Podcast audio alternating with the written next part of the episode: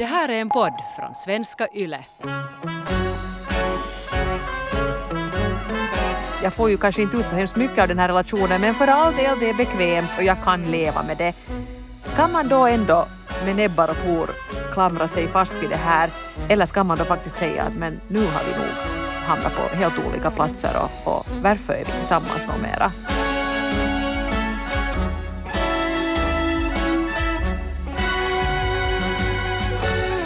Idag hör du Hanna ska vi inleda podden där sagan slutar. Alltså du vet, så levde de lyckliga i alla sina dagar. Eller? punkt, punkt, punkt, eller. Ja. Uh, ja, livslång kärlek, det, det, är ju fint. Det, det är ju ljuvligt. Och, och, det, och det händer ibland. Vi har ju ställt frågan den här veckan, är livslång kärlek det vi ännu ska sträva efter eller är det kanske helt okej okay att byta partner då och då? Och då har vi ju fått in svar av alla de slag. En del eh, är definitivt team livslång kärlek, till exempel signaturen ST72 som säger att Gud har sammanfogat man och kvinna och det får människan inte skilja åt och inte heller skilsmässa går för sig. Eller sen signaturen 53 som berättar att jag har levt med min stora kärlek i 37 år och jag älskar honom lika djupt ännu. Mm. Så jo, det här med livslång kärlek, det, det idealet sitter ju nog ganska mycket i att det är någonting väldigt fint. Men det som vi kanske lite bör fundera på här är att är det det enda idealet och det enda alternativet? Ska det vara så? Mm. Och jag börjar tänka på det här, alltså just det med att jag, jag själv umgås ju ganska mycket med, med frånskilda eh, mammor och pappor. Och jag tycker att ett eh, sån här genomgående tema är någon typ av eh, skuld, kanske lite skam. Man känner att man har misslyckats som man uh, går skilda vägar. Speciellt om man har barn. Och det, och det kan jag ju förstå, men jag har ju själv barn också. Det är klart att man funderar många gånger innan man går skilda vägar eh, med den som du har skaffat dina barnen med. Men jag tycker också att det skulle kunna vara läge att vi skulle kunna kanske lite lätta på den där skuldbördan mm. för alla dem som, som kanske känner att åh nej, att jag har misslyckats på något vis, och att jag är en sämre person. Och här tycker jag vi måste vara tydliga från första början. För jag har märkt det här Hanna, att du och jag tycker det här är så självklart eh, så vi blir lite förvånade när en del människor lite ibland kanske missförstår oss för att vi inte är tillräckligt tydliga det sista vi vill göra här är ju nu att liksom uppmuntra alla att skilja sig hej vilt till höger Dumpa skiten som vi brukar Nej, säga. Ja. Det, det, är ju inte det alls utan det, det är strålande fint om, om man orkar kämpa för sin relation och, och faktiskt klarar av att hålla, ut, uh, hålla ihop år, året ut, livet ut. Freudian Ibland kan det vara svårt att orka bara året ut också faktiskt. ja, livet ut. Så att absolut är det inte så att det här nu är någon sån där Hello alla, du hoppar på skilsmässotåget. Lokförare Hanna och konduktris Eva. Inte överhuvudtaget. Eh, men i alla fall tycker jag att det är bra att lite hålla på kanske och reflektera kring de här sakerna. Säger ju jag som är lyckligt gift och där planen nog absolut är att vi ska hålla ihop året ut, livet ut. Ja, ja. En, liten, en liten slipp där. Ja, nej, men jag håller helt med dig och jag tycker absolut att det här ska understrykas att det är inte att allting blir bättre om man skiljer sig. Men om man är i en relation som stampar på stället och har gjort det länge och bägge är olyckliga så då tycker jag att, att uh, man åtminstone kan ta och fundera på alternativet. Det finns, man får inte liksom heller någon sån här tapperhetsmedalj för att man står ut i en relation som gör eh, inte kanske bara en utan bägge partners uh, olyckliga och otillfredsställda. Och det är kanske där någonstans som man sen måste uh, du, ta sig själv i kragen och våga vara lite modig. Precis. Och kanske också dels de här skuldkänslorna som du talar om men sen kanske att vi skulle lite komma ifrån det här att det är väldigt fint att vara ihop livet ut och det är bara de som firar guldbröllop och diamantbröllop och så vidare som har lyckats. Medan de som, vet du, lite sådär karikerat, när jag var liten och läste mormors svensk damtidning så var det alltid lite sådär raljant när man hade sådana uppslag med att här är alla Lill-Babs karrar eller Liz Taylor. Ja.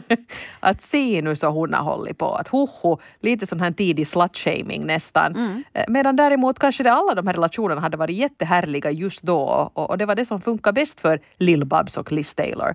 Det kan vi inte fråga för de är uppe i det himmelska haret men nu men, men, men i alla fall man, det är ingenting att se ner på. Det kan hända att det här är precis det rätta för en del. Mm. Och jag tror också att, att tiderna ju kanske har förändrats lite också. Att om vi tittar bara liksom på vår generation jämfört med våra föräldrars generation. Så då jag var barn så var det nog väldigt få som eh, vars föräldrar eh, som var skilda. Att där höll man nog ihop ganska segt. Medan jag tycker att nu så är ju mm, ja, väldigt många det. Så att, eh, och det kanske beror på det också att vet du, vi behöver inte eh, varandra liksom av praktiska orsaker på det sättet. Vi behöver inte någon som ska hjälpa till att spänna för hästen då man ska få ut och plöja åkern och sånt här. Utan, utan man kanske behöver vara Det är nu på ett mer det annat där sätt. att knuffa iväg bilen när man har kört fast i en driva. Men det kan grannen hjälpa till med. Det kan grannen hjälpa till med. Och man kan alltid betala någon som kommer och vinschar upp den därifrån annars. Mm. Men hörru, det var faktiskt lite kul för att här under, under veckan så intervjuade jag eh, journalisten och författaren Rika Suominen eh, om, Mm. om det här med, med livslång kärlek sådär, haha, inför alla hjärtans dag. Och, och vi pratade ganska mycket om det här med att, att eh, om livslång kärlek egentligen är det ultimata. Och hon har ju skrivit en bok eh, som handlar om en kvinna som lever i ett öppet förhållande. Och hon var med i Relationspodden faktiskt då för, för ett år sedan då den här boken kom ut. Så vill man gå in och lyssna på, på hur det här egentligen funkar så kan man göra det. Men, eh, jag tänk- Rekommenderar, det var ett intressant avsnitt. Ja, och, och det kanske lite, kan vara lite ögonöppnande. Men eh, vi skulle Ja. kunna ta och lyssna lite på vad hon sa då vi talade om eh, livslång kärlek och huruvida det verkligen är eftersträvansvärt. Jag tycker inte att det här med livslång kärlek, för mig är det inte det självklara målet. Ja, jag protesterar lite grann mot hela tvåsamheten, att parförhållande har blivit ett sånt gullekris som måste vårdas och man måste jobba för den och hålla den vid liv och pigga upp den. Och jag tycker att det finns ju andra viktiga relationer som kan också sänka en glädje och stöd. Och de har hamnat ju lite i skymundan av, av tvåsamheten.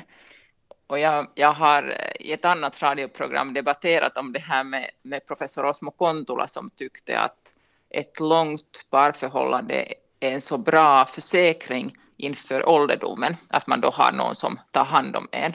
Och jag tycker själv att det är en usel försäkring, att man istället har många vänner och, och nära syskonrelationer till exempel är en mycket bättre försäkring än att satsa allt på ett, ett kort.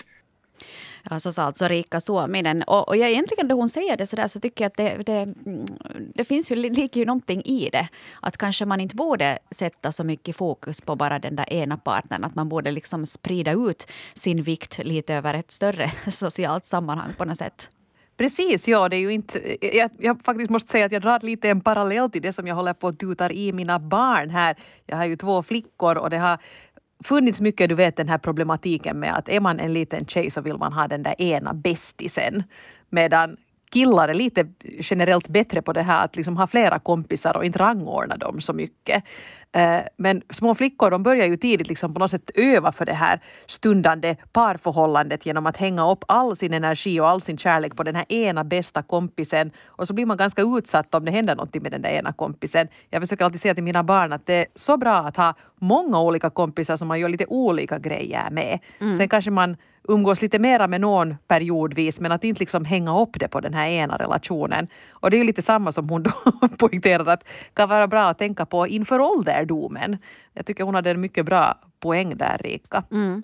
Vi pratar också om det här med att, att då du har en partner, att, att om man kanske sätter för mycket press på den personen. Och, och jag frågar henne, att är det liksom rimligt att, man, att tänka sig att eh, just den här ena personen ska uppfylla alla dina behov och komplettera ditt liv på alla tänkbara sätt? Den här kompletteringen som du säger och vänskapen och stödet som vi förväntar oss. Och sen förväntar vi oss att man tillsammans med en person Eh, skaffa barn och uppfostra dem och man har all den sex man vill ha med, med en person. Att det är ganska många, många saker som man vill ha från en och samma person. Och sen om det inte funkar 60 år, då, då är det ju inte misslyckandet. Man ska vara glad att det funkade i fem år eller 15 år. Mm. Ja, att, att kanske man kan liksom glädjas åt att en relation var lyckad eh, även fast den inte vara livet ut. Precis.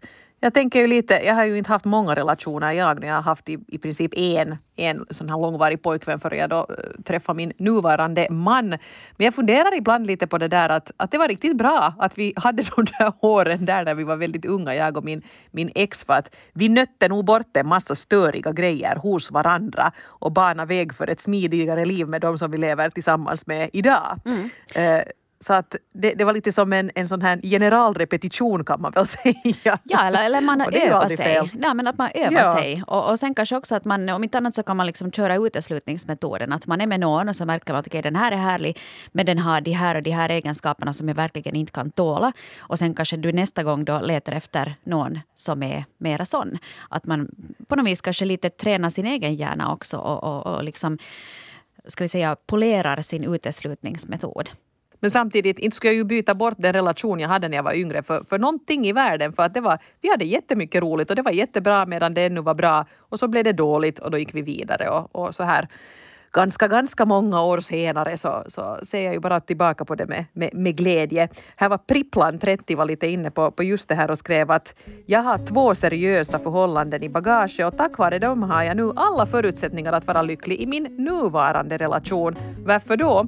Jo, mina förra relationer lärde mig mycket om mig själv och hur det är att leva så nära intill en annan människa. Det låter kanske lite klyschigt, men det är sant.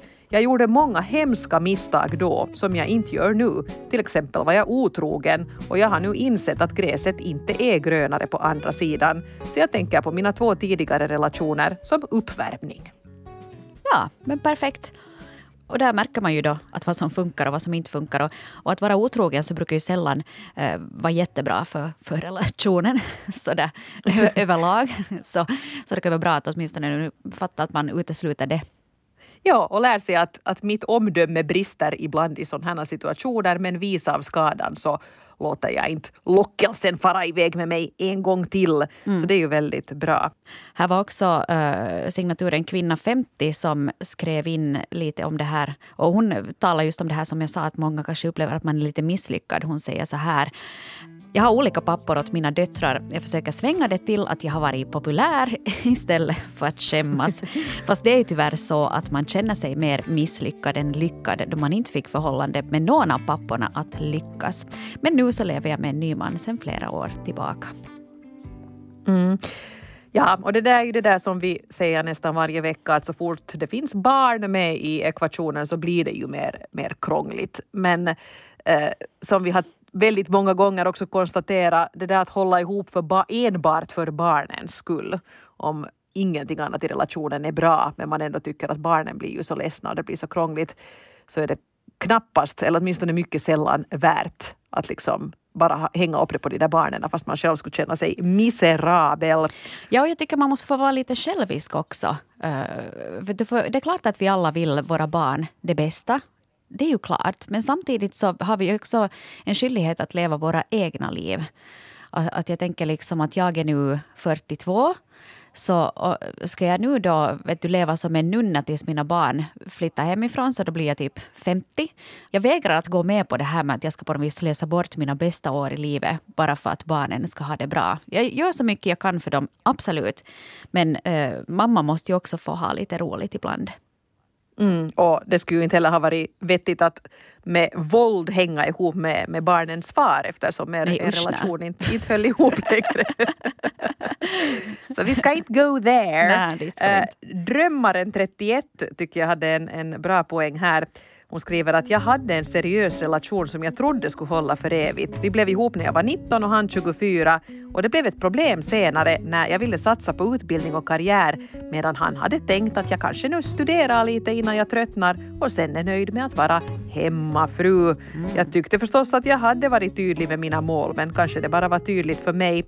Men erfarenheten från den relationen och hur det tog slut är värdefull och jag ångrar ingenting. Jag strävar nog efter att min nuvarande relation ska hålla för evigt. Vi har varit ihop i fem år, det funkar bra, kommunikationen är guld och vi väntar barn. Skriver Drömmaren 31. Ja, men vad härligt. Och, och Jag det, förstår bra. Och det där, jag tyckte det var flera som skrev om det här att vadå, att inte kan man ju liksom inleda en relation och tänka att "Nå, men jag är ihop med den här nu i ett år eller, eller tio år. Att det är klart att man utgår från att det ska hålla för evigt och det hoppas man ju och det tror man ju säkert också på i början. Och det är ju inte det att vi ska nu vara här någon sån här grymma stämningsdödare. Att ja, det håller ändå inte, att vad är det nu för vits? Man kan ju ha jätteroligt ett tag och sen kan man Nej. gå vidare. Precis, man måste ju alltid utgå ifrån att det här blir nog säkert kanon. Det är lite sådär som att om du söker ett jobb som du egentligen inte vill ha så då får du det knappast heller. Utan man måste ju intala sig att det här är nog jobbet för mig nu. Yes! Let's när man går på en it. arbetsintervju. Ja. Ja. nu ska vi sopa banan med alla andra här. Eh, frugan 44 har också skrivit till oss. Eh, jag har varit ihop med samma man i över 20 år sedan sena tonåren. Vi har fått tre barn, skaffat oss egendom och ett gemensamt liv på många plan. Har nog då och då blivit förtjust i andra, fantiserat om ett liv med någon annan, irriterat mig på min mans alla dåliga sidor. Men att bryta sig loss känns allt för svårt. Vår relation är en slags grund som allt står på och allt måste byggas om från början om den grunden raseras. Jag tycker det skulle kännas hemskt tungt att börja lära känna en ny människas alla vanor och sätt att göra saker, att lära mig kompromissa och gräla med en ny person. Trots att vi har våra utmaningar i förhållandet så vet jag i alla fall vilka de där utmaningarna är. Jag har lärt mig att leva med dem, jag känner min man utan och innan. Om jag skulle skilja mig så skulle jag nog inte orka flytta ihop med någon mera. Då skulle jag hellre leva i särboförhållande tror jag.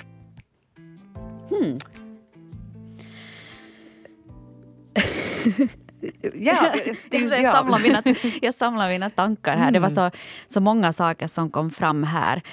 Mm, det, det finns ju någonting väldigt vackert i att känna en annan människa utan och innan. Och jag tycker att det, det finns någonting väldigt värdefullt i det. Och, och man känner att eh, okej, okay, han har de där sidorna, men de kan jag leva med. Så då är det ju helt super. För jag menar, alla har vi våra sidor och det finns ingen som aldrig skulle vara störande på något sätt.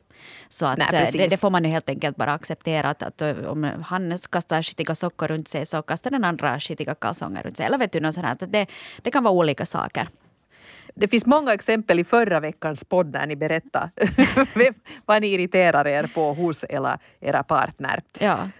Det jag funderar på här är vad man riktigt ska göra i sådana här situationer där den där relationen nu inte är så dålig att man tycker att det här blir inte någonting och vi måste göra slut.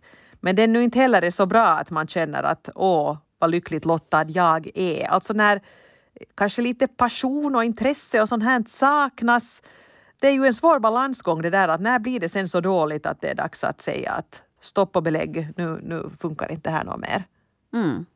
Ja, att, att när är det som så pass dåligt att det är tillräckligt dåligt för att man ska gå skilda vägar. Ja. För att det finns inte heller någon gräns som vi eller någon annan kan måla upp utan det måste man ju bara avgöra för sig själv. Att om man säger till exempel att, ska vi säga att sexlivet har dött ut. Om du är en väldigt sexuell person så är det här antagligen en dealbreaker för dig. Men är du en sån som kan leva med det, att nå, inte behöver jag egentligen ha så mycket sex. Vi har det kiva ändå. Så då är det inte en dealbreaker. Att man kan ju inte heller liksom säga vad som är rätt och fel där och, och var den där gränsen går. Men jag tror att om man liksom rannsakar sig själv och verkligen försöker vara ärlig med sig själv så, så tror jag nog att man själv vet det. Det tror jag också. Och här är ju en sån här grej som ofta lyfts fram när kanske folk påstår att nu för tiden skiljer sig folk för lättvindigt, att det är slit och släng och man går vidare.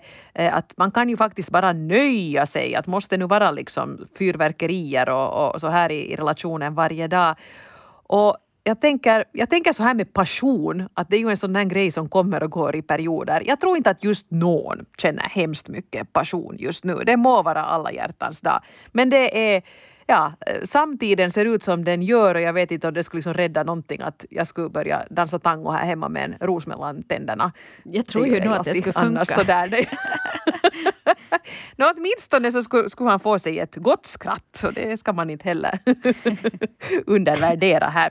Eh, uh, jag, jag måste ju säga det här också att känns livet lite sådär uh, eh, ja, torftigt och relationen lite torftig i något år så kan det ännu kanske vara helt okej. Men sen om det här pågår väldigt länge och man lite börjar undra att jag får ju kanske inte ut så hemskt mycket av den här relationen men för all del det är bekvämt och jag kan leva med det. Ska man då ändå med näbbar och klor klamra sig fast vid det här? Eller ska man försöka liksom dels för det första kanske göra någonting åt det, ta upp det här till diskussion, fila på kommunikationen, kanske gå i terapi eller någonting sånt här. Eller ska man då faktiskt säga att men nu har vi nog hamnat på helt olika platser och, och varför är vi tillsammans något mera? Jag har intervjuat ganska många parterapeuter och, och såna här relationsexperter i mina dagar här på jobbet. Och jag måste säga att en sak så säger de allesamman och det är det att det största problemet är det att par kommer till mottagningen då det är för sent. Mm. Att folk borde börja gå i terapi i snitt sju år tidigare än, än de verkligen sen, eh, den här tidpunkten för när de verkligen kommer till mottagningen. Att oftast så kommer de dit då någondera vill skiljas. Och då är det ganska svårt liksom att, att svänga på det där. För den ena har tappat motivationen och, och det finns mycket gammalt groll där. Och, och så där. Att jag tror att, som du sa Eva, att, att eh, då man är inne i det att det är egentligen inte något som är fel men vi kanske har bara lite tappat bort varandra. Så det, gå då! För då kanske man kan få hjälp mm. av en utomstående att hitta tillbaka till varandra. Och då kanske den går att rädda. Men den är svår att rädda sen då, då någon har bestämt sig. Och det här med att, att vilja skiljas och hur man egentligen kommunicerar kring det så, så hade eh, signaturen Kvinna 43 skrivit in ett, ett långt brev om. Jag tar och, och kortar ner det lite här så, så vi får fram eh, de viktigaste poängerna. För det här handlar kanske just om det här med, med när man sen vet att det är rätt och hur man kommunicerar kring det här med sin partner.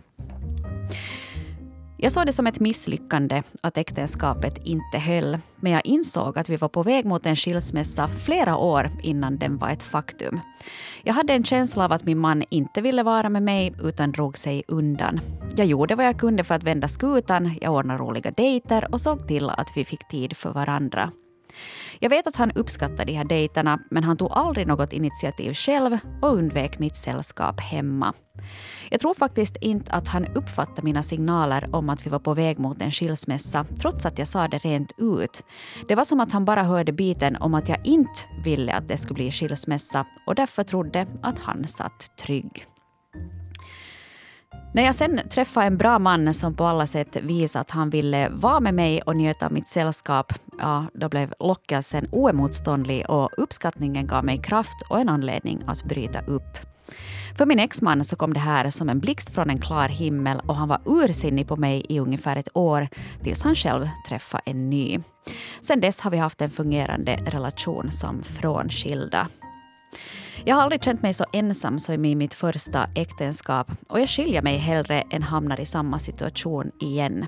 Men den nya relationen är varm, nära och trygg så risken är inte överhängande. Så skriver kvinna 43. Det var en fin berättelse tycker jag och eh, jag tycker det här är ett bra exempel på att det behöver ju inte alltid vara det här att en relation har blivit dålig eh, behöver inte vara så dramatiskt. Det behöver inte vara liksom att man skriker och gormar till varandra eller är, är otrogna till höger och vänster och inte kan lita på varandra längre utan det kan vara det här att att den ena känner sig så ensam och den andra inte alls förstår dens behov. Mm. Det, det, är liksom en sån grej som, som sker ganska diskret och det är ganska tyst. Jag tycker vår brevskrivare här kan inte på något sätt klandras för att hon skulle liksom ha gett upp för lättvindigt för helt tydligt hade hon ju liksom verkligen kämpat och försökt på alla sätt kommunicera och vara tydlig. Eh, medan det då liksom inte ändå sjönk in hos den där partnern. Och då tycker jag att det har på något sätt kanske byggts upp någon sorts vägg där mellan dem som kan bli svår att, att riva ner. Mm. Och tydligen så, så fanns det inte sen någonting att rädda. Att det hade, det hade gått så pass långt. Och jag tror att man ska också akta sig lite för det där att man går omkring och på något vis känner sig trygg. Jag tror att eh, speciellt människor som är gifta eh, kanske tänker att, att eh, nej men vet du, nu har jag mitt på det torra, att jag behöver egentligen inte anstränga mig så mycket mera. Och det har vi ju talat om i tidigare avsnitt. Eh, det dyker upp så ofta den här frågan om att man blir för bekväm och att man kanske slutar lyssna. Och som hon, att hon hade ändå sagt att, att jag känner att det här inte funkar, och, men jag vill inte skiljas. Och det enda som han hörde var att jag vill inte skiljas. Och sen då hon, hon verkligen stod slag i saken och sa att nu vill jag skiljas, så då togs han fullständigt på sängen och inte på ett bra sätt. Så tror jag också det kan finnas ibland en risk i långa relationer att man blir liksom lite blind för den där andra, att man inte heller riktigt ser den med sådär en fräsch blick och så gick det ju då här att det kom sen in en annan man och gav henne den uppskattning hon förtjänade ja. Eh, och som karln där hemma inte kom sig för att ge henne.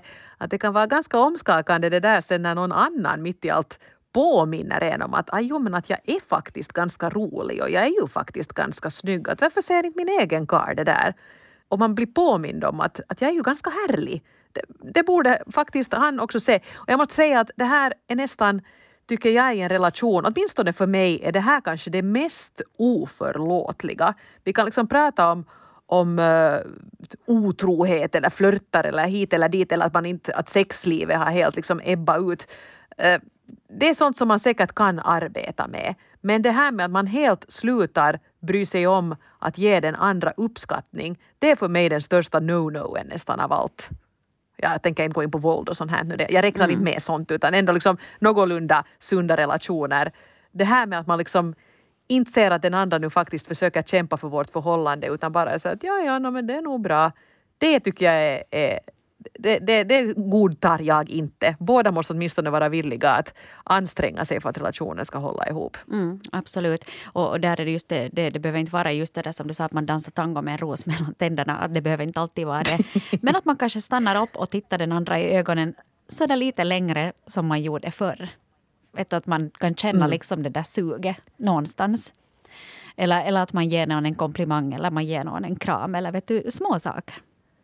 Ja, och är intresserad mm. av den andra, vad, ja. vad, den har haft för sig och, och, vill höra vad den tycker om saker och ting. Ja. Det är viktigt tycker jag. Mm. Mm. Eh, jag tycker vi har fått ett så underbart brev här av signaturen Lilian 60. Det var roligt det här att det här var en sån här fråga som fick er eh, aningen äldre lyssnare att skriva till oss. Ni som faktiskt har, har levt ett tag och varit med om saker och det tycker jag är väldigt inspirerande och lärorikt för mig som är så ung ja. att läsa. ja, Men Lilla Eva. Lilian, Lyssnar du på tant Lilian, vad tant Lilian ja, har att berätta? Lilian skriver så här. Jag har bytt partner många gånger. Jag gifte mig 84, skilde mig två år senare, fick ett barn, blev sambo 88, hittade en ny kärlek 95 och så var det pang och adjö med allt vett och förstånd och den kärleken resulterade i tre barn och han var en kronisk vänsterprasslare. Men sen följde ett bra liv. Jag kunde välja och vraka. Jag var snygg och smal och ganska rolig. Men jag hittade aldrig någon att bli förälskad i tyvärr, så det resulterade i att jag tog en bara för att inte vara ensam. Kära systrar, gör aldrig det misstaget. Dessutom var han våldsam och hade hetsigt humör. Men alla romanser har gett mig något. Jag har lärt mig vad jag vill och inte vill. Du då jag nått eh, pensionsåldern så vill jag kanske ha bara en manlig vän att umgås med och ringa till Ja, och det var nu i alla fall min mening. Men nu har jag blivit ganska förtjust i en enkeman, så gud vet om det blir något hett igen en gång. Lilian, 60, yeah. du, du, du är min idol. Du är vår spirit animal. Du, du är ju det, ja. ja. Vår ledstjärna här. Och jag tycker det är så ljuvligt det här, för, för det här tror jag också ger jättemycket perspektiv. Om Lilian är 60, ger jättemycket perspektiv till dig som lyssnar som är kanske 30 och tänker att åh nej, det kommer aldrig att bli någonting annat. Så märker att hej, tänk vad mycket som kan rymmas på de nästa 30 åren och vad mycket kul.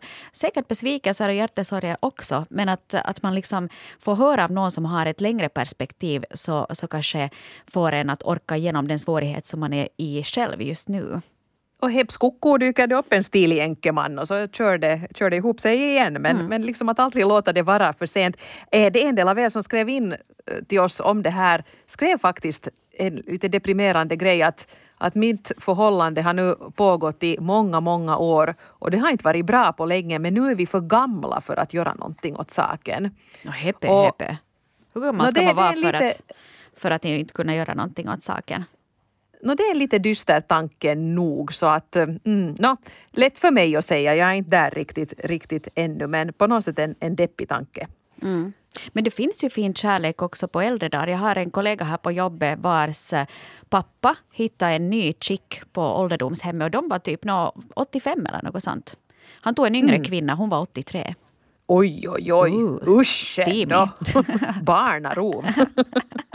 Ja, men så det finns lite hopp kanske där i alla fall. Jag älskar sådana solskenshistorier. Ja, och, och en sån här relation på det som, som, som slutknorr på, på levnadsbanan kan ju bli en av de där absolut finaste relationerna man har i sitt liv. Så att för sent ska det nog åtminstone aldrig vara, hoppas och tror jag. Mm.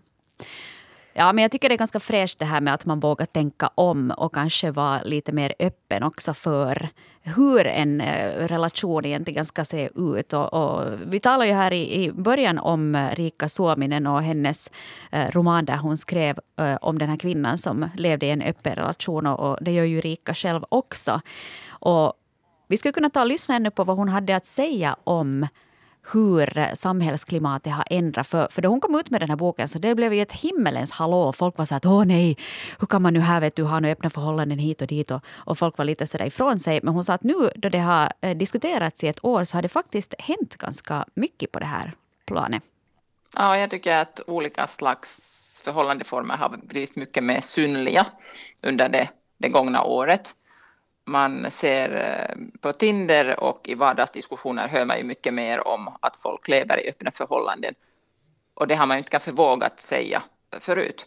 Det också blir synligt att man inte behöver skämmas för det eller ångra det, utan, utan att människor lever ju sina relationer på väldigt fantasifulla och, och personliga sätt.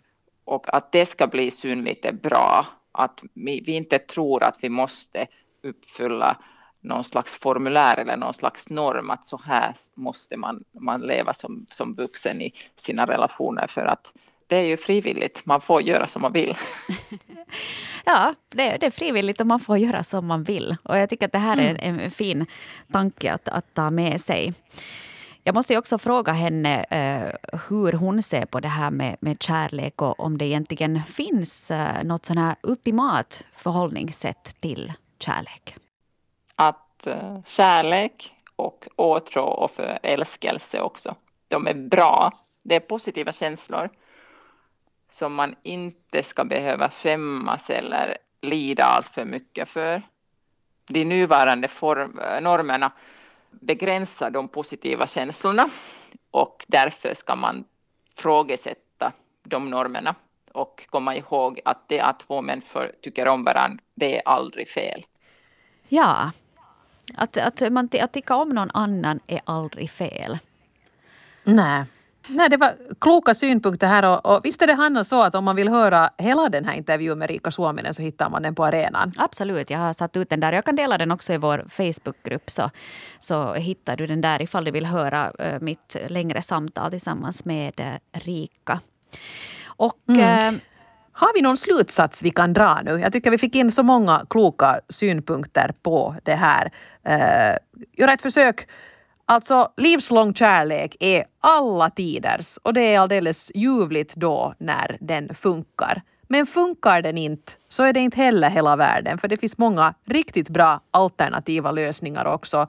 Och det viktiga är att vi inte skäms över att livet blev som det blev utan att vi vi på något sätt tar tillvara det som funkar bra och, och lämnar det som har gått lite snett bakom oss. Mm. Eller? Ja, och jag tycker också att det är viktigt att man är modig och inte bara då liksom att nu skickar jag in mina skilsmässopapper utan att man är modig, att man vågar vara ärlig med sig själv. Att man vågar vara ärlig med sin partner kring läge som är. Att är det knaggligt så våga tala om det och som jag sa, gå till den där parterapeuten hellre lite för tidigt än hellre för sent. Vissa går ju, liksom, precis som man besiktar bilen, så går man till en parterapeut en gång i året för att checka att är vi okej, okay? är vi där var vi vill vara.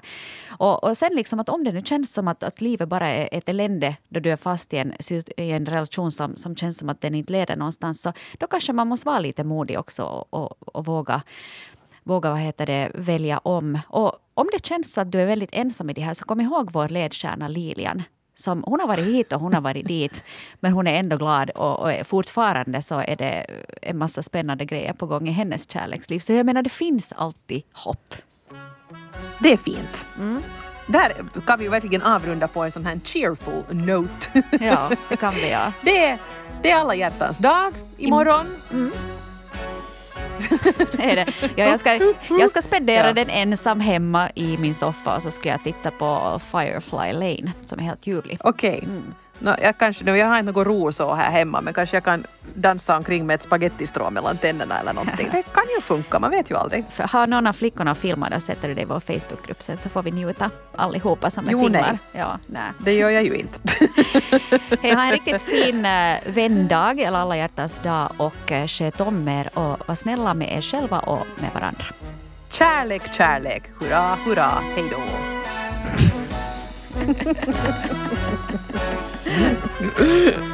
Fin, fin avslutning Eva. Jag satt den. Ja, jag vet. Poesi.